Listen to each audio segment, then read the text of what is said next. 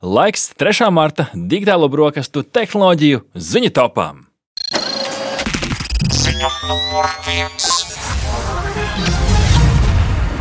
Pirmā ziņa - digitālajās brokastīs par citplanētiešu laiku, Rihard. Kas tad nu? Par ko ir stāsts? Stāsts ir par mēnesi, mēnesi kā planētu. Līdz šim mēnesis eh, misijas izrādās ir darbojušās pamatojoties uz vietējām laika joslām, kas aizgūtas no Zemes. Tātad, ja tur aizlido amerikāņi, tad ir amerikāņu kāda no laika joslām, ja Ķīna, tad kāda Ķīnas eh, laika josla un tā tālāk. Taču mēnesis misijām kļūstot par biežāku parādību, šķiet, ka tuvākajā nākotnē tā vairs nebūs tāda diezgan liederīga pieeja. Zinātnieki apspriež šobrīd iespēju radīt vienotu mēnesi laika zonu. Un te ir, starp citu, tieši saistība ar tehnoloģijām, par ko mēs pastāstīsim. Tad runas par mēnesi laika zonas aizsākušās Eiropas kosmosa aģentūrā kādu laiku atpakaļ. Un portāls Tekspot spriež, ka pagaidām gan esot vairāk jautājumu nekā atbildžu. Nu, piemēram, kurš būs atbildīgs par mēnesi? Mēnesi laika noteikšanu un uzturēšanu. Vai tas būs saistīts ar Zemi vai pastāvēs kā atsevišķa vienība, un kāpēc neizmantot uh, universālo koordinēto uh, laiku? Kā skaidro ESA, tad pulksteņus mēnesis darbojoties ātrāk nekā uz Zemes un iegūst papildu aptuveni 56 mikrosekundes dienā. Aģentūra arī paredz laika grafiku, kas ir praktisks astronautiem. Tas būs diezgan liels izaicinājums uz planētas virsmas, kā skaidro Bernhards Hufenbachs, Moonlight vadības vadības komandas loceklis, jo tur ekvatoriālajā reģionā katra diena ir 29,5 zemes dienas gara. Ieskaitot viens mēnesis. Viens mēnesis, jā, ieskaitot divas nedēļas garās un augstās mēnesis naktis. Tātad liela tums veselu divu nedēļu garumā. Un tātad, kur tā saistība ar tehnoloģijām? Ja mēnesim tiktu izveidot funkcionālu laika sistēmu, tā varētu nedaudz atvieglot līdzīgu sistēmu izstrādi arī citiem planētu galamērķiem, piemēram, nu, lielajai sarkanajai planētai Mars. Laika iniciatīva ir daļa no lielākiem centieniem izveidot Lunanet. Un šeit ir tā tehnoloģija iesaiste. Tā ir komunikācijas un navigāciju arhitektūra, kas diezgan lielā mērā balstās uz nu, laiku, kā vienību, ko tā skaita un kā strādā, lai varētu paplašināt tās nu, tīkla saziņas iespējas uh, ap mēnesi un uh, tam, tam uh, līdzās. Sistēma būtu kaut kas līdzīgs mūsu Wi-Fi un mobilo tīklu izmantošanai šeit pat uz Zemes. Jā, nu, starp citu, atgādināsim mūsu klausītājiem, ka noteikti uh, tik daudz par šo tiek runāts arī tāpēc, ka uh, NASA ar Temis 3 uh, misija um, plāno uh, nogādāt atkal cilvēkus uz mēnesi virsmas, un tas jau būs pēc vairāk nekā 50 gadu ilga pārtraukuma. Un, nu, tas viss uh, varētu notikt jau 2025. gadā. Un tagad, Rikārd, novērsies no ekrāna, jo mums priekšā ir Viktorīna ar lielu skatītāju, klausītāju atbalstu. Es atgriežu Viktorīnas, ko mēs aizsākām pagājušajā raidījumā. Jautājums saistībā tieši ar šo konkrēto ziņu, jo mēs gribam izzināt vairāk, vai ne, Rikārd? Mm. Nu, tad jautājums tev šāds. Kā vēl pasaulē pazīst universālo koordinēto laika zonu? Ir vairāk varianti, ja nosauksi precīzi vienu. Es, es varbūt mēģināšu vienu, bet uh, varbūt, kad es uh, kļūdos. Uh, tas nav tas saucamais Greenwich laiks. Es nezinu, ko domā mūsu klausītāji. Tad universālā koordinētā laika zona varat nedaudz apdomāties, nedaudz pavēlēt laiku garumā, un es teikšu, pareizi, Rihard, pirmais cepumiņš tev šodien - Greenwichs laika josla, Greenwichs laiks. Ja tu būtu teicis nultā laika josla, arī būtu pareizi. Nu, vēl varētu pievilkt aiz matiem sākuma meridiānis, jeb Greenwichs meridiānis laika josla, tā nultā līnija, kā mēs mācījāmies geogrāfijā. Gan interesants stāsts par to, kā vispār izvēlējās tieši uh, šo punktu kā nulles punktu, bet, par to, pa, bet par to papētiet uh, internetu dzīvēs.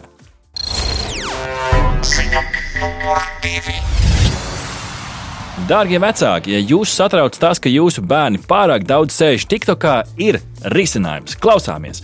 TikTok ir paziņojis par jaunu funkciju sēriju, kas paredzētas, lai samazinātu ekrāna laiku un uzlabotu gados jaunāko lietotāju labsajūtu un labklājību. Nākamajās nedēļās jauna ekrāna laika pārvaldības funkcija tiks ieviesta, un tā ierobežos TikTok lietošanu 13 līdz 17 gadus veciem pusaudžiem līdz 60 minūtēm dienā. Tātad ne vairāk par stundu. Masāķīts gan šo funkciju var ieslēgt un izslēgt vecāki un viņu aizbildņi, izmantojot TikTok ģimenes savienošanas rīku, jeb angļuiski meklējiet to nevis šādā nosaukumā, bet gan Family Pairing Tool, kā stāsta portāls The Verge. Tātad vecākiem ir ar saviem, savām atvesēm jāvienojas par šādu sistēmu, bet, manuprāt, diezgan labs rīks. Uzņēmums arī paziņoja, ka ieviesīs vairākus atgādinājumus lietotājiem veikt pārtraukumus, izslēgt, piemēram, pušu paziņojumus, jeb šos te, uh, paziņojumus, izlacošos paziņojumus, kas vienmēr mūs kaut kādā veidā satrauti, tā skaitā naktsmiera stundās, un mudinās lietotājiem pārdomāt savus komentārus pirms publicēšanas. Tāds komplektiņš ar, ar, ar jaunumiem. Nu, šīs funkcijas kopumā ir tāda TikTok centieni veicināt pozitīvu un drošu kopienu savā platformā, jo ir bijusi diezgan liela kri kritika vērsta TikTok virzienā par gan atkarību veicinošajām kaut kādām algoritmiskajām funkcijām, gan arī par tā skaitā saturu, kas dažkārt tiek, algoritms uzsverē ne to pašu labāko saturu. Jā, un jāpiemina arī tas, ka TikTok nav pirmā sociālā mediju lietotne, kas pusauģiem ievieš ekrāna lietošanas ilguma ierobežojumus. Arī Instagram un Facebook pēdējos gados ir ieviesuši līdzīgas funkcijas, kā arī rīkus vecākiem, lai uzraudzītu savu bērnu tiešsaistes aktivitātes. Rihards, vai tu esi gatavs otrajam šodienas Viktorīnas jautājumam? Es neesmu gatavs, bet es centīšos bet kas tev cits atliks. Cik daudz interneta lietotāju Latvijā bija 2023. gada janvārī pēc datareportal.com datiem? Nu, tur absolūtajos skaitļos. Absolūtajos skaitļos tā ļoti nopaļoti, cik daudz interneta lietotāju bija Latvijā. Un, un interneta lietot droši vien tur, nezinu, reizes gadā pietiek. Nu, tieši konkrēti janvāra mēnesī. Janvāra mm. mēnesī tu esi tur vai nu datorā, vai telefonā. Vismaz reizi. Esi kaut kādā veidā iegājis tīmeklī. Pārlūk, mm. vienalga ko citu. Nu, es teikšu, uh, uh, es teikšu, viens miljons. Viens miljons, kāpēc tik maz? Es nezinu.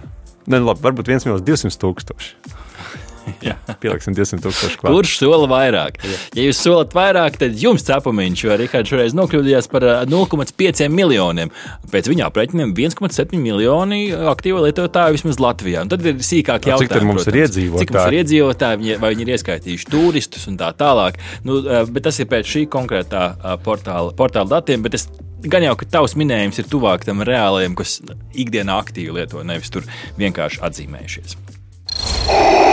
Ziņa numur 3. Lieli jaunumi Raharda e-sporta pasaulē ir papildināts e-sporta sacensību lokus. To izdarījusi Startautiskā olimpiskā komiteja, tad, tad pietiekami augstā, patiesībā augstākajā līmenī, kā var būt. Tieši papildinājuši savu šo e-sporta sacensību klāstu tādā nu, teikšu, Olimpisko spēļu piedeklītī. Tas vēl neskaitās Olimpiskās oficiālās Olimpiskās spēles, bet saucās The Olympic Esports Series, kas ir turpinājums iepriekšējiem centieniem. Par tiem mēs esam arī pagā, aizvadītajos gados stāstījuši. Un, nu, kas tad ir nācis klāt? Tāds ir jautājums. Numur viens - šachs. Šachs kā e-sporta disciplīna, kas ir ļoti interesanti. Tāda ļoti neierasta Just Dance deju spēle. Mēs noteikti Rihardā esam to spēlējuši, kustinājuši mūsu gurniņus pie dažādiem ritmiem. Loka šaušana elektroniskajā vidē, tenis un kas ir ļoti interesanti - taekwondo. Kā var taekwondo spēlēt elektroniskajā vidē? Tāds ir jautājums.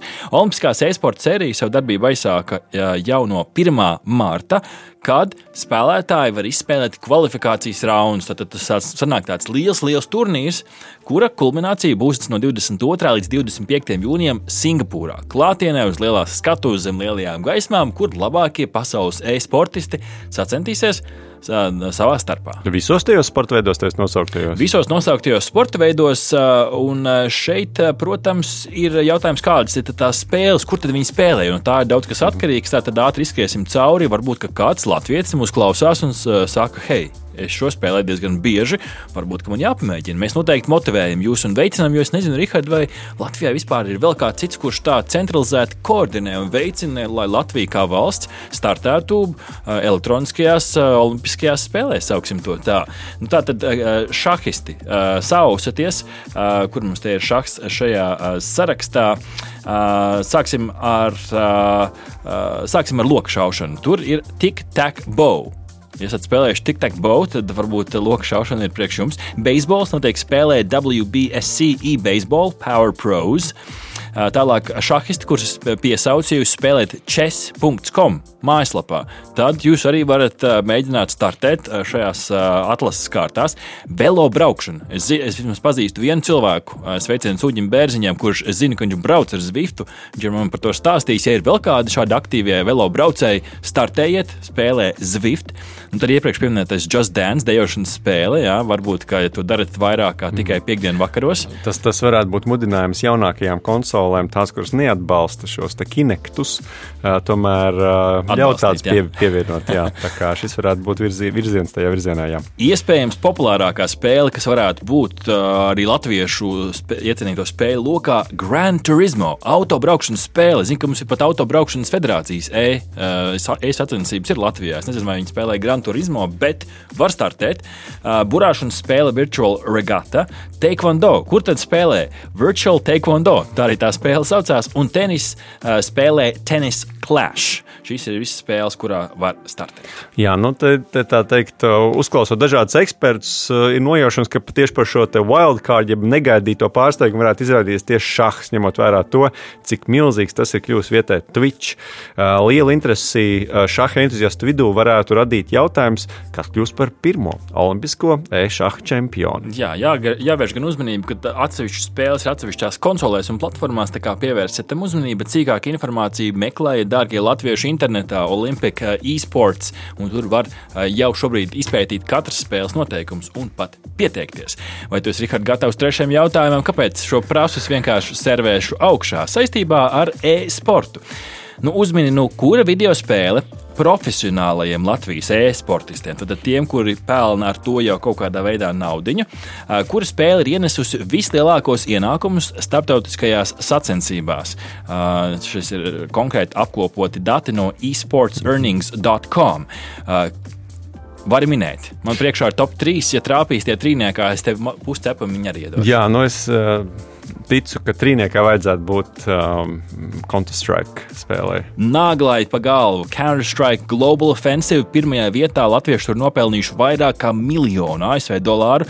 Otrajā vietā ir Fortnite uh, ap, ar aptuveni pusmiljonu ASV dolāru, un trešajā vietā spēle Valorant ar uh, 100 tūkstošiem dolāru. Tas ir kopējais, viņi ir apkopojuši visus uh, tātad, reģistrētās lielās uzvaras. Un fun fact, uh, jeb jautrais fakts, uh, cik tad nopelna labākie e-sportisti. Nu, Brokijs, jeb Helvijas Saukants, kas spēlē Counter-Strike Go, ir nopelnījis vairāk kā pusmiljonu ASV dolāru. Tad pusi no tā lielā cipara, ko es saucu. Viņš jau ir iesniedzis valsts ieņēmuma dienestā deklarāciju, ka tev ir precīzi dati. Iespējams, Jekin, es, es domāju, ka tie ir laimesti no pataisnām no e-sporta sacensībām. Jekindars, jeb Mareks Gaļinskis, 400 tūkstošiem ASV dolāru, un trešajā vietā Domentos, jeb Dominiks Buns ar 272 tūkstošiem ASV dolāru lielu peļņu. Tad labākie var nopelnīt, bet cik daudz ir tie labākie, nu, tur tas saraksts strauji tie laimēs sarūk tajā top 20. -niekā. Ziņa numur 4. Nu šeit, 4. vietā, digitālais brokastīs. Ievad intro daļā pieminētās amizantās lietas no digitālās pasaules, kas šoreiz nāk no Ķīnas. Ķīniešu studentu grupa Changzhou profesionālā mehātronikas tehnoloģija institūtā ir izstrādājuši skūpstīšanās ierīci priekš pāriem, kuri piekopja attālināto attiecību modeli. Tad, ja dzīvojat ar lielu, lielu attālumu starpību, varbūt šis ir priekš jums. Skūpstu mašīna sastāv no silikona lūpu pāra, kas simulē skūpstītāja lūpu spiedienu, kustību un pat siltumu. Pēc skūpstu ievadīšanas ierīcē bučas parametri tiek nosūtīti uz otru iekārtu, lai sniegtā skūpsta sajūtas varētu atkārtot. Stāsta portāls Techspot. Sistēma darbojas savienojot ierīci pāri tālruņa lietotni un pievienojot uh, uzlādes portam. Skūps var augšu pielādēt un nosūtīt attālināti mīļotajiem. Tas pat varēšot atkārtot skaņas. Tāpēc varbūt šo skūpstu ierīci neizmantojiet no rīta 11. tramvajā. Lai gan lietotne vienlaikus var savienot pārī tikai vienu sūtītāju un vienu saņēmēju. Nu, tā kā skaidro autori, lai veicinātu monogāmas attiecības pēc veidotāju domām. Tā ir nepieciešama abu pušu piekrišana, taču tam būs arī funkcijas skūpsts kvadrātā, kas nozīmē, ka tu vari nejaušiem cilvēkiem aizsūtīt savu skūpstu, lai iespējams veicinātu to vientuļo cilvēku sapazīstināšanu ar tiem otras puses kvēlajiem skūpstītājiem. Izgudrotājs radīja šo skūpstīšanās mašīnu pēc septiņu gadu uh, ilgām attiecībām ar savu bijušo draugu. Jā, nu, atgādināsim, ka 11. tramvajs uz laiku ir slēgts. Bučoties droši viņā. tur var droši, ja jūs tiekat līdz 11. tramvajam, tad tur nekāda problēma. Uh, un, un droši vien es domāju, šis varētu palīdzēt arī ķīniešiem, kuri tagad uh, nu, dažādu ierobežojumu dēļ ir ļoti ilgu laiku bijuši uh, nošķirti, bet ziņojumi par ierīci ir radījuši tiešām pretrunīgu attieksmi sociālajos tīklos. Nu, daži saka, ka tas ir dīvaini. Citi, tas angliskais vārds. Citi izsaka sūdzības par to, ka nu, šeit mutē nesot mēli. Man jau liekas, ka bučus var arī tāpat iedot, bet nu, katrā ziņā noteikti cilvēki ir pilns servis. Savukārt citi jautā, kur tādu var dabūt. Nu, tad izrādās, ka no Ķīnas e-pasta tirgotāja tā bau ierīce var iegādāties un nu, maksājot aptuveni 200 par skaitu. Eiro valūtā. Nu, tā, jā, nu, un jā. tad attiecīgi, protams, daži dažādas citas spekulācijas, ko ar šo ierīci varētu darīt, bet tās, lai paliek jūsu fantāzija. Katrā gadījumā šī nav pirmā tāda ierīce, kas simulē skūpstus starp lietotājiem. Iepriekš ir bijušas līdzīgas ierīces, bet šī laikam esot tā pirmā ierīce, kur tādas nu, kaut cik reālas lūpas esot mhm. pieejamas. Dārgie, dārgie draugi, klausītāji, es novēlu jums, lai jums pretī ir īstas lūpas, lai nav jābučo silikons. Ziņa numur 5. Un visbeidzot, sen esam stāstījuši par eh, kādu Pokemon spēli. Es zinu, ka vēl daudz latviešu spēlē, tāpēc arī šī ziņa ir eh, šajā topā par jaunu spēli no Pokemon kompānijas ar nosaukumu Pokemon Sleep. Tā ir lietotne iOS un Android ierīcēm, kas ļauj uh, spēlēt Pokemon spēli guļot. Tātad viņi ir paņēmuši spēles elementus un pievienojuši, nu, angļuiski to sauc par sleep tracker, latviešu tulkojot miega izsekotājs, jeb šo nu, mēs izmantojam gan pulksteni, gan gradzenus, gan tam līdzīgas ierīces, lai izsekotu tās savas miega, miega ritmus. Un šeit, uh, lai uh, veicinātu labu miegu, ir spēle, kur jo tev labāks miegs, jo labāku Pokemon tu noķer. Uh, tā ir tas darbojās ar Pokemon Go plus, plus ierīci, tāda diska formas, tāda Pokemon bumba, ko noliec blakus gultā.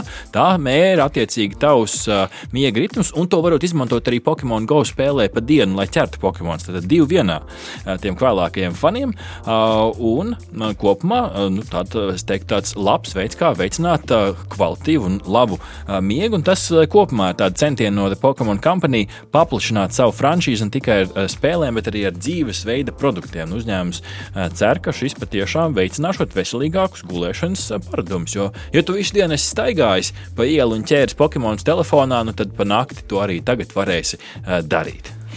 Jā, nu es, es iztēlojos tās rīta epizodes, kad kāds saka, vēl tikai 5 minūtītes, man jau ir gandrīz uh, tur, es nezinu, Charizards vai, vai Bulbazaurs, vai arī, piemēram, uh, interesanti, jā, nu, kā tā spēle izdomās, kāds uh, Pokemons tiks uh, piespēlēts vai ne, nu, piemēram, skaļas krācot, varētu atrast snorlaksu vai, teiksim, ja tā aktīvi vaļātos pa gultu, tad varētu noķert varbūt Pikachu. Oh, Pikachu, ļoti labi. Ar to mēs noslēgsim šī ziņa top. Pēdējais Viktorīnas jautājums, kuram tu noteikti esi gatavs.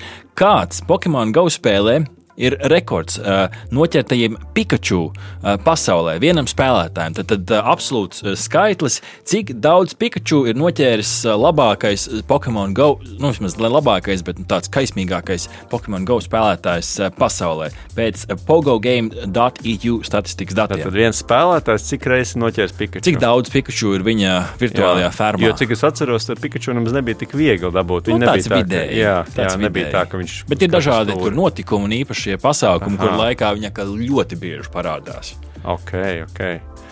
Nu, man ļoti grūti šo ir atbildēt. Uh, ja kaismīgs spēlētājs, nu, es nezinu. Um, 50 tūkstoši. Pieliec uh, vēl 50 uh, klāt un vēl 25, un tad tev sanāk 125 tūkstoši pikaču pa visu šo laiku, kamēr šī spēle ir iznākusi. Tāda, tāda interesanta ziņa noslēdz digitāla brokastu tehnoloģiju ziņu topu. Aha! Paldies, ka noklausījāties mūsu līdz galam! Ja patika, uzspiediet laiku, atstājiet komentāru vai padalieties ar draugiem. Un nobaudiet arī citas epizodes, kā arī sekot mums, lai nepalaistu garām savu ikdienas tehnoloģiju ziņu devumu.